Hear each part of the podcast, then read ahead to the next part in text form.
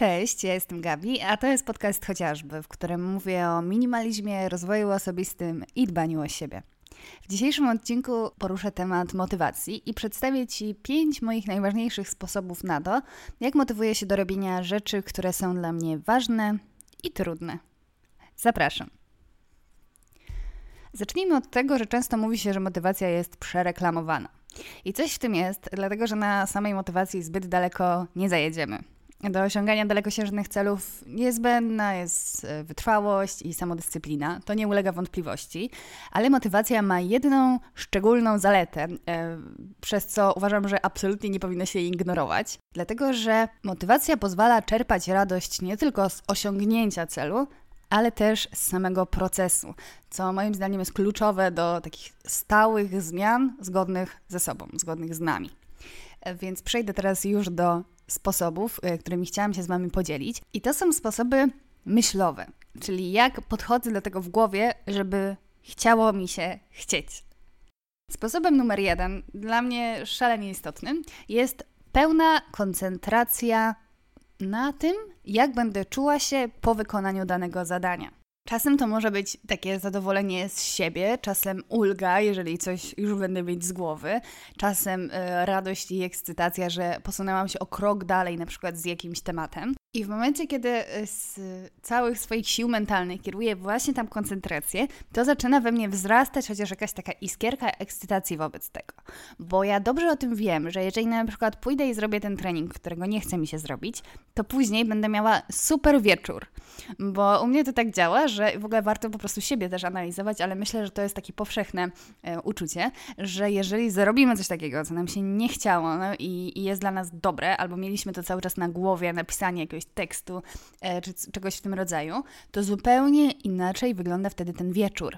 Ja jeżeli sobie na przykład powiem, dobra, dzisiaj sobie odpuszczam i oczywiście w odpuszczaniu czasami nie ma nic złego, ale jeżeli się to robi non-stop, no to w moim przypadku było tak, że siedziałam sobie, oglądałam serial i to nie było dla mnie nawet w połowie tak przyjemne oglądanie serialu, jak byłoby, gdybym poszła na trening, e, zrobiła go i raz, że czułabym się dużo lepiej e, psychofizycznie, to przede wszystkim byłabym z siebie zadowolona i czuła, że teraz ja nie muszę niczego od siebie już chcieć tego dnia i wtedy dla mnie właśnie taki odpoczynek, taki relaks smakuje najlepiej. I to wcale nie muszą być jakieś wielkie rzeczy i do tego zaraz przejdziemy, ale samo właśnie to działanie z tą swoją niechęcią, pokonanie jej, zrobienie czegoś, co jest dla mnie ważne, bo dla mnie ważne jest zachowanie takiej e, sprawności, witalności, bo często o tym wspominam, że ja doskonale sobie zdaję sprawę z tego, że dla większości ludzi, w tym dla mnie, kiedy się jest w młodym wieku, wieku i w pełni sił, nie ma się problemów zdrowotnych, to zdrowie jest po prostu taką abstrakcją i zdrowie bardzo rzadko nas motywuje. Niektórzy mają na tyle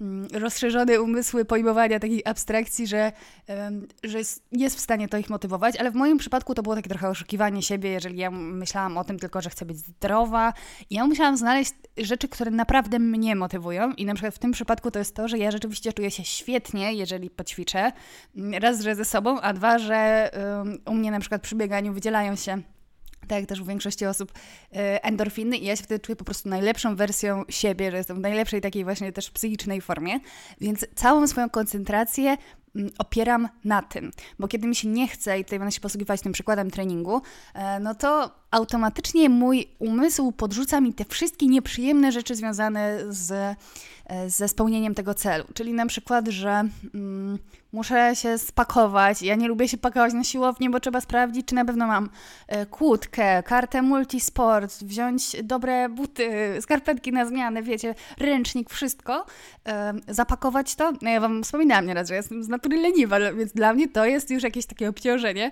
e, że będę musiała tam pójść na tę siłownię, jeszcze mieć kontakt z recepcją, bo ja mam właśnie kartę multisport, a nie odbijam palec, więc muszę stać w kolejce, czekać, może nie być mojej ulubionej bieżni wolnej. I mnóstwo takich rzeczy mi podsyła mózg, to jest takie nie do końca świadome, że ja nie analizuję ich tak e, rzeczowo, ale gdzieś tam mi się pojawiają różne takie obrazy w głowie, które mnie zniechęcają na maksa, nie? I wtedy dla mnie najważniejszym jest właśnie przekierowanie tej koncentracji na samą tą fajność, która pojawi się po wykonaniu po wykonaniu zadania.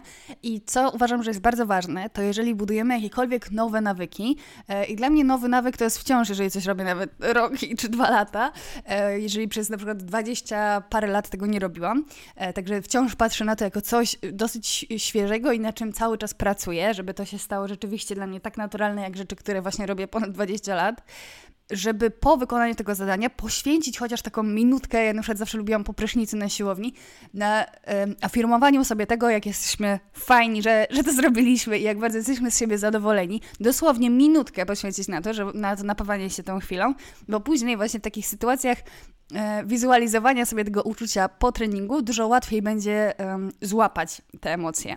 Dla mnie właśnie takie trochę wizualizowanie sobie tego, trochę koncentracja po prostu na uczuciach, które które się pojawią e, po wykonaniu i przede wszystkim właśnie tym takim super przyjemnym wieczorze. E, ja pamiętam, że kiedy byłam na studiach i miałam cały czas w głowie na ostatnim roku pisanie pracy licencjackiej, to pewnie znacie ten temat, że ja nie miałam niby na nic czasu, bo ja cały czas pisałam pracę licencjacką. Oczywiście jej nie pisałam, tylko po prostu nie wychodziłam na imprezy, nie wychodziłam na piwo, bo ja nie mam czasu. ja piszę pracę licencjacką, a później siedziałam w domu i na przykład oglądałam serial, bo nie mogłam się zebrać do tej pracy. I to było takie oglądanie serialu nieprzyjemne dla mnie, bo to było takie oglądanie z takim poczuciem, że powinnam robić coś innego. I to jest e, też rzecz, na, na, której ja buduję motywację. To czasem jest taka trochę motywacja negatywna, że ja bardzo nie chcę takiego stanu rzeczy. Nawet jeżeli chodzi o takie Y, właśnie malutkie sytuacje, jak to, czy, będzie mi przy, czy będę mieć przyjemny wieczór, czy trochę mniej, y, to ja bardzo chcę uniknąć takiego, takiej, y, ani to jest do końca relaks, ani to jest pełna rozrywka, bo jest cały czas w głowie, że mogłam, mogłam coś zrobić i nawet jeżeli to nie jest takie do końca świadome, to po prostu no, milion razy lepiej mi smakuje, jeżeli E, jeżeli daną rzecz wykonam, jeżeli nie mam tego w głowie, że muszę się tym zająć na następny dzień i to się tak samo odnosi do wszystkich, nie wiem, jak jeżeli muszę napisać jakiś tekst, muszę jakiś e, skończyć projekt, szczególnie jeżeli to dotyczy rzeczy, które nie są dla mnie obowiązkowe, to nie jest część mojej takiej normalnej pracy zawodowej, nie mam żadnych deadline'ów, bo uważam, że właśnie w takich sytuacjach motywacja jest najważniejsza, dlatego że jeżeli mamy właśnie taką motywację zewnętrzną, że wiemy, że no nie wiem, spotkają nas jakieś przykre konsekwencje, jeżeli tego nie zrobimy, no to większość z nas, jeżeli jest, jest odpowiedzialna, to potrafi zagryźć zęby i jakoś już to zrobić. I wtedy no, opieramy się właśnie na tej zewnętrznej motywacji, a w sytuacji, kiedy spełniamy jakieś swoje ambicje, jakieś swoje marzenia, robimy jakieś rzeczy po godzinach, które wymagają od nas wysiłku zawsze, no to uważam, że motywacja jest szalenie istotna, żeby jednak zachować też swoją taką um, dobrą relację e, ze sobą. I ktoś mądry kiedyś powiedział, że e, rzeczy pilne rzadko są ważne, a rzeczy ważne rzadko są pilne. I chodzi tutaj o to, że na przykład często dla nas ważnymi rzeczami są takie e, wartości jak e, rodzina, jak zdrowie, jak relacje, jak rozwój taki osobisty, intelektualny. Mamy jakieś swoje różne ambicje, mm, ale to nigdy się nie staje pilne. Bo na przykład zdrowie staje się pilne w momencie, kiedy dostaniemy na przykład jakąś beznadziejną diagnozę i okazuje się, że jak nie zmienimy stylu życia, to może się to źle skończyć. Z kolei rzeczy pilne to rzadko są rzeczy ważne. To są często rzeczy, które są pilne dla, e, są ważne dla innych ludzi, no nie? Tak jak w pracy e, coś, coś dzieje się pilnego, no zastanówcie się, co wymaga takiej natychmiastowej reakcji zwykle na, e, na co dzień. No te ważne rzeczy, na przykład nasze marzenie, żeby kiedyś zostać pisarzem i napisać książkę, albo założyć swoją firmę, albo właśnie, żeby dbać o zdrowie, to dopóki się nie stanie jakaś e, zwykle tragedia, to się nie staje nigdy pilne. I my musimy ustalić temu priorytet e, i sprawić, żeby żeby w tym życiu było miejsce dla, e, dla właśnie rzeczy, które nie są pilne, a są ważne. E, bo nigdy nie będzie momentu, w którym już musisz założyć swoją firmę, już musisz zadbać o swoje zdrowie, już musisz na przykład przejść na trochę zdrowszą dietę albo zacząć się ruszać. No zwykle za późno orientujemy się, że znaczy, wtedy staje się to właśnie pilne, gdy już jest trochę za późno, żeby zachować to w dobrej, w dobrej formie. To taki trochę poboczny wątek, ale uważam, że on jest bardzo istotny w kontekście motywacji, dlatego że właśnie w tym obszarze motywacja jest moim zdaniem najistotniejsza, bo e, jeżeli to jest taki ponad podstawowy, ciągle taki ponadnormatywny wysiłek, no to e, zdecydowanie potrzebujemy jakiegoś takiego dodatkowego boosta energii do tego, żeby te rzeczy robić. E, jeżeli sobie właśnie zmieniamy swój też styl życia, budujemy nowe nawyki, to wszystko jest takim dodatkowym tak naprawdę obowiązkiem, który na siebie nakładamy. I ważne jest, żeby nie budować sobie w głowie takiego głosu wewnętrznego, surowego rodzica, który tylko wymaga, ale właśnie takiej kibicującej przyjaciółki czy liderki wspierającej, która chce, żebyśmy coś zrobili, żebyśmy się lepiej poczuli, żebyśmy zrobili coś dobrego dla siebie, żeby nam się po prostu milej żyło. Um, nagrałam na ten temat odcinek o tytule Fundament mojego self-care. Tam właśnie opowiadałam o tym, jak pracowałam ze swoim wewnętrznym głosem i dla mnie on był kluczowy przy um, każdej później zmianie, przy każdym nowym nawyku, przy wszystkich moich projektach, które sobie, których e, się podejmowałam, to właśnie ten głos e, kibicującej czy liderki w głowie, która jest wspierająca, wyrozumiała, um, no był totalnie kluczowy do tego, żeby, żeby chciało mi się chcieć. E, I teraz przejdziemy właśnie do drugiego punktu, punktu, który jest równie ważny. W ogóle dzisiaj wszystkie rzeczy, o których Wam powiem, są dla mnie, często je stosuję równolegle, te sposoby. Mm, a w zależności od sytuacji czasem sobie dobieram, jednak każde jest dla mnie tak samo ważne. I numer dwa to jest stawianie sobie mikrocelów. Mało tego, nie tylko stawianie sobie tych mikrocelów, ale jednoczesne też nagradzanie się za ich spełnianie. I tutaj już od razu mówię, o co dokładnie chodzi, bo ja często mówię o małych kroczkach i tak dalej, ale czasem jest też tak, że mm, na przykład chcemy wrócić do jakiejś aktywności. Ja ostatnio tak miałam mm, z treningami, że ze względów zdrowotnych musiałam sobie odpuścić na miesiąc, a później bardzo było mi trudno wrócić do jakiejkolwiek tak naprawdę aktywności fizycznej.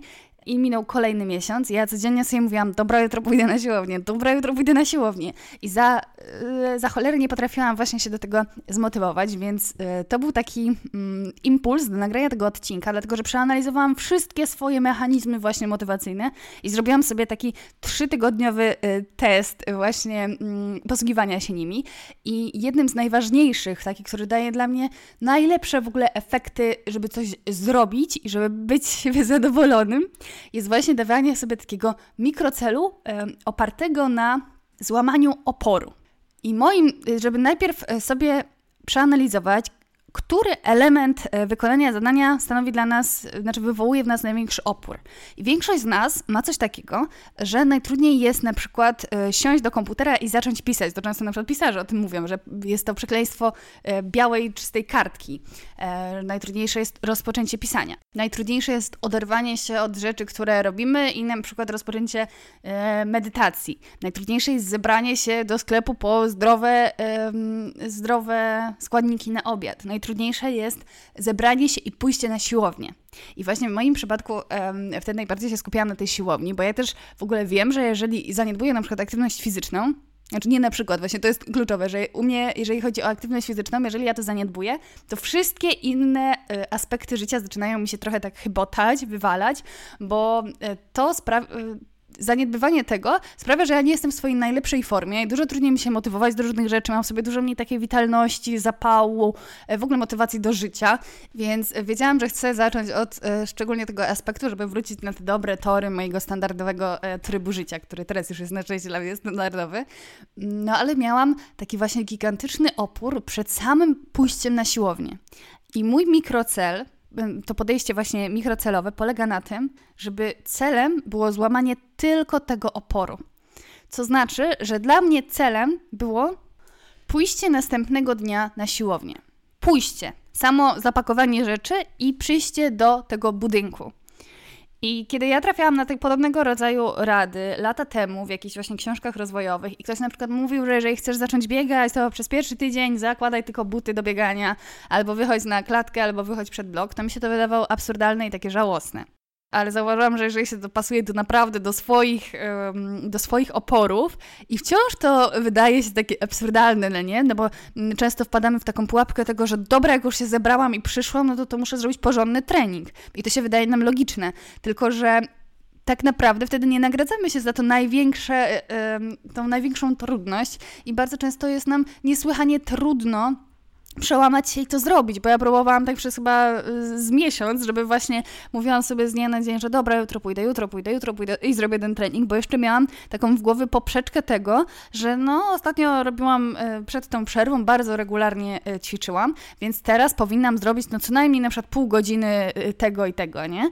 I mieć taki, taki, miałam taki duży cel, któremu też myślę, że podświadomie mogłam się bać, że nie jest prosta. I nieraz miałam tak, że na przykład właśnie po jakiejś tam krótszej czy dłuższej przerwie wracałam na siłownię siłowni, okazywało się, że moja forma na przykład na bieżni spadała bardzo przez ten czas i ja byłam z siebie niezadowolona, że schodziłam z tej bieżni i czułam, że, że sama się rozczarowałam, nie? że nie spełniłam tego celu, który miałam, bo na przykład okazało się, że e, po tej przerwie nie jestem w stanie nawet e, połowy e, przebiec, którą przebiegałam wcześniej.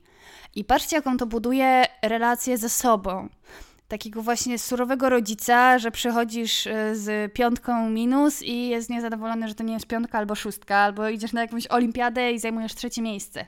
I to jest tak strasznie demotywujące, jeżeli, jeżeli mimo tego włożonego wysiłku, który czasem naprawdę nas bardzo wiele kosztuje, dla mnie w ogóle kluczowe było też takie przełomowe, zrozumienie tego, że to nie ma żadnego znaczenia, że dla innych coś jest łatwe, e, że inni nie mają takiego problemu, e, bo chodzi przecież tutaj o mnie, chodzi o moje zmiany, o moje życie i jeżeli na przykład dla mnie czasem jest wielkim wyzwaniem to, żeby zapakować sobie torbę na siłownię albo zrobić tego rodzaju czynność i złamać ten opór pójścia gdzieś, no to powinnam dostosować też właśnie samozadowolenie z tego, jakie, jakie trudności pokonałam. Nie jakie to są obiektywnie trudności, tylko jakie rzeczywiście były dla mnie. I w momencie, kiedy sobie ustawiłam cel, że ja pójdę, wtedy już mam prawo być z siebie zadowolona. I oczywiście jest. Ja, ja wiedziałam o tym, że pewnie pójdę, to już będę chciała wejść na tą bieżnię, ale nie miałam już takiego, takiej presji tego, że ja muszę zrobić jakiś chociaż trochę dobry trening, tylko po prostu ja już wtedy miałam prawo być z siebie zadowolona. I oczywiście nie ukrywam, że to nie była taka nauka tego z dnia na dzień, tylko to był proces, żeby nauczyć się tak siebie traktować, bo ja byłam pewnie, wcześniej czułam, że to jest takie żałosne podejście do siebie, że ja powinnam od siebie wymagać, że powinnam sobie stawiać wysoko poprzeczki, no bo jak to, jak to w ogóle brzmi, stawiać sobie najniżej poprzeczkę, jak się da, tuż przy granicy oporu po prostu. Mm, no i tak sobie wiele lat myślałam i nie robiłam nic. Ciągle byłam sobą rozczarowana, ale przecież no, nie zniżyłabym się do tego poziomu. Nie zniżyłabym się też do tego, żeby e, pisać na przykład mm, dwie e, linijki tekstu dziennie, no bo ja powinnam pisać tyle i tyle. Taki cel wygląda dobrze na papierze, więc e, i inni dają radę, więc ja też powinnam dawać radę. I to jest strasznie takie pyszne podejście, które do niczego nie prowadzi. Oczywiście, że niektórzy z nas to są e, po prostu takie, e, pozytywnie mówiąc, cyborgi, no po prostu są w stanie zrobić, mają w sobie tyle samodyscypliny i samozaparcia i takiego no, takich umiejętności absolutnego przełamania się i robienia rzeczy e, dla nas niesłychanych. Oczywiście, że są takie osoby i one mogą słuchać tego odcinka i sobie myśleć, Boże dziewczyno, ale ja wiem, że też są tacy ludzie jak ja, dla których tak naprawdę każda ponadpodstawowa aktywność wymaga gigantycznego e, zmotywowania, trochę e, wykorzystania jakichś takich trików percepcyjnych, I w momencie dopiero, kiedy się pogodziłam z tym, że na przykład w niektórych rzeczach mój umysł działa super sabotująco, no to wtedy zaczęłam, e, wtedy zaczęłam uczyć się go obsługiwać. I okazało się, że no wtedy, kiedy poszłam, zrobiłam taki leciutki trening i najważniejsze było to, że ja byłam z siebie super zadowolona, bo ta presja już ze mnie zeszła w momencie, kiedy ja weszłam na bieżnie. I takie wyznaczanie mikrocelów jest no, niesłychanie, um, niesłychanie efektywne, szczególnie jeżeli właśnie włączymy sobie taką metodę marchewki, po prostu nagrody. I tą e, nagrodą może być coś takiego totalnie symbolicznego, wiecie, nie wiem, e, kubek kakao później do serialu, który mogłabym zrobić sobie i tak, no nie? To nie jest nic wielkiego, ale żeby to taką, taką miało symbolikę w mojej głowie, że kurczę, zrobiłaś dobrą robotę.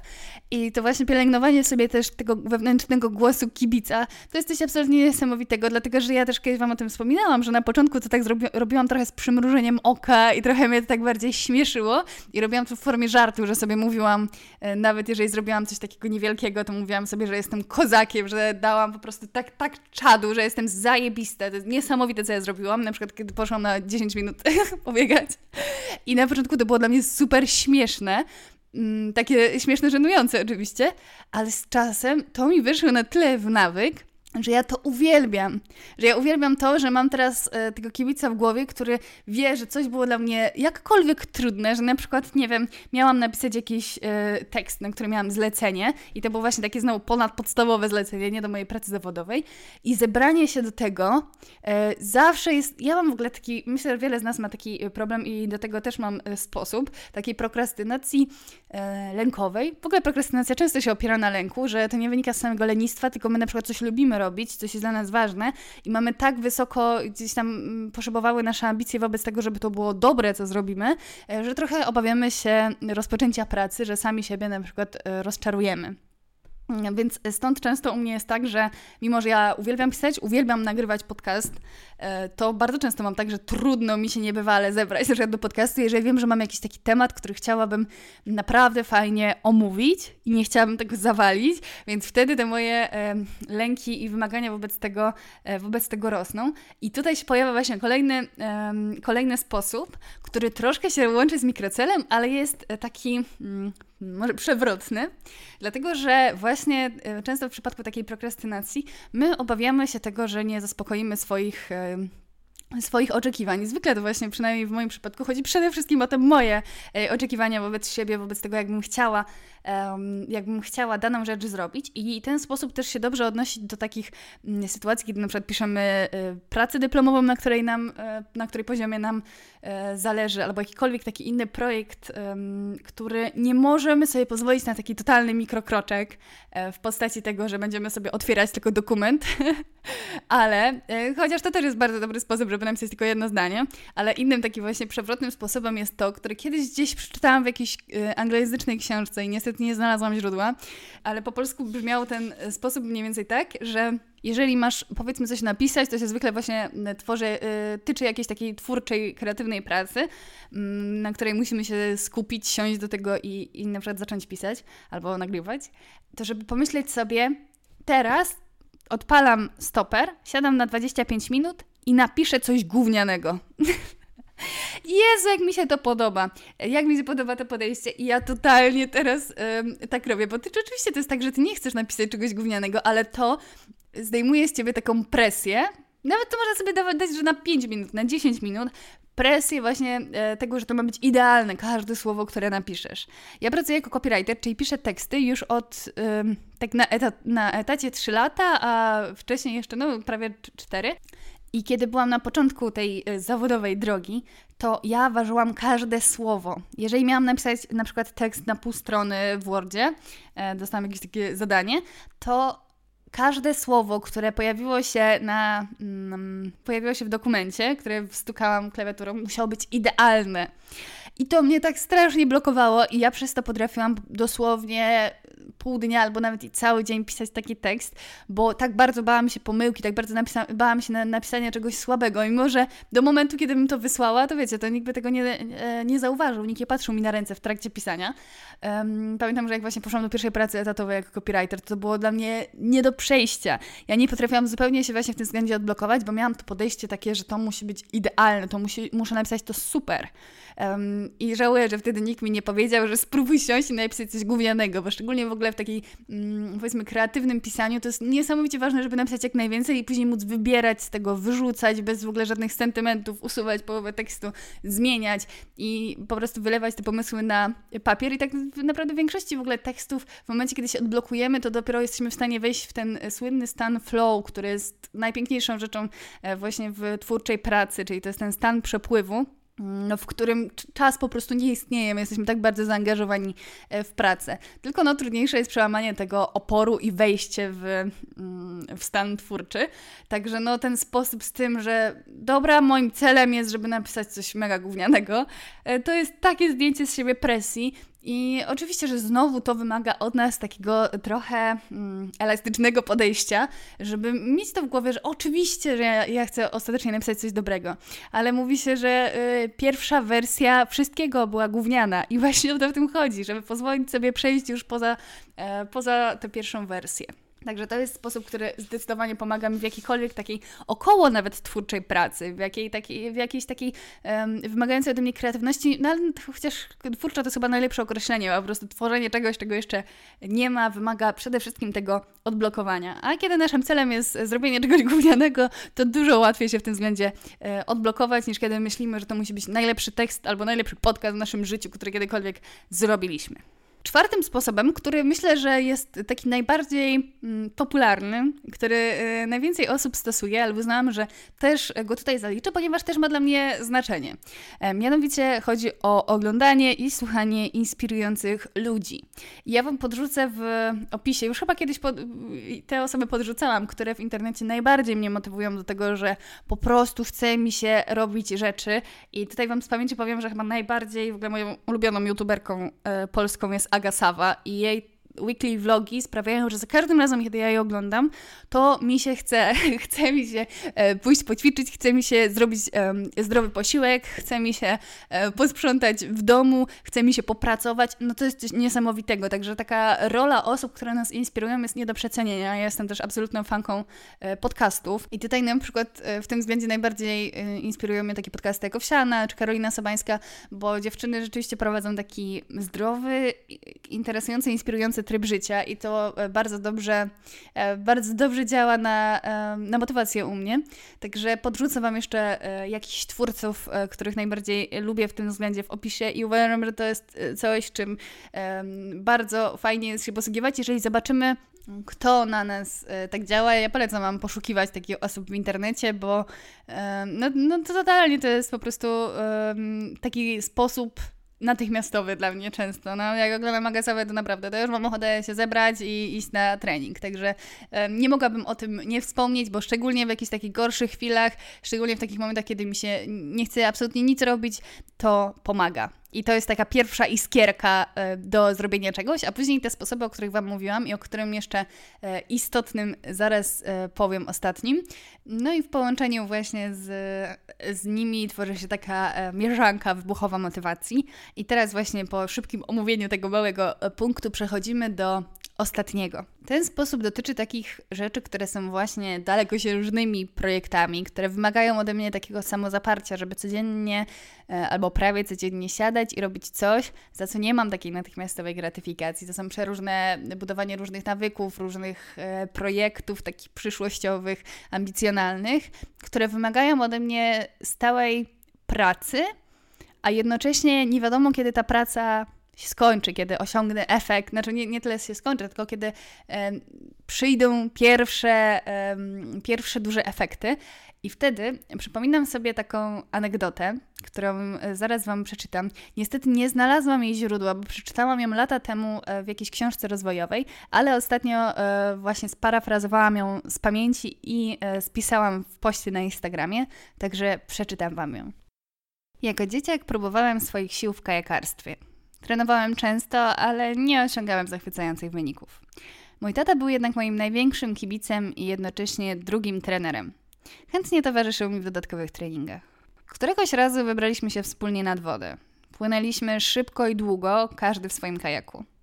Pogoda od rana dopisywała, a my byliśmy pełni zapału do porządnego treningu. Wiosłowaliśmy ile sił w płucach. Aż nagle niebo zaczęło gwałtownie się ściemniać i rozpętała się burza. Wiatr szalał, z nieba lunęło i gruchnęła błyskawica. Byłem przerażony. Tata przytomnie rzucił komendę, żebyśmy jak najszybciej skierowali się do brzegu. Wiosłowaliśmy jak szaleni. Warunki były koszmarne, a każde odepchnięcie wiosła spotykało się z gigantycznym oporem sił natury. W pewnym momencie poczułem skrajne zmęczenie, a zdarte dłonie i przeciążone mięśnie odmówiły mi posłuszeństwa. Zaszlochałem, krzycząc do ojca, że już nie dam rady, że nie dopłynę. I wtedy mój ojciec odkrzyknął – Zrób tylko jeszcze jeden ruch wiosłem. Zrobiłem. I jeden. Zrobiłem. I jeszcze. Aż w końcu dotarłem do brzegu.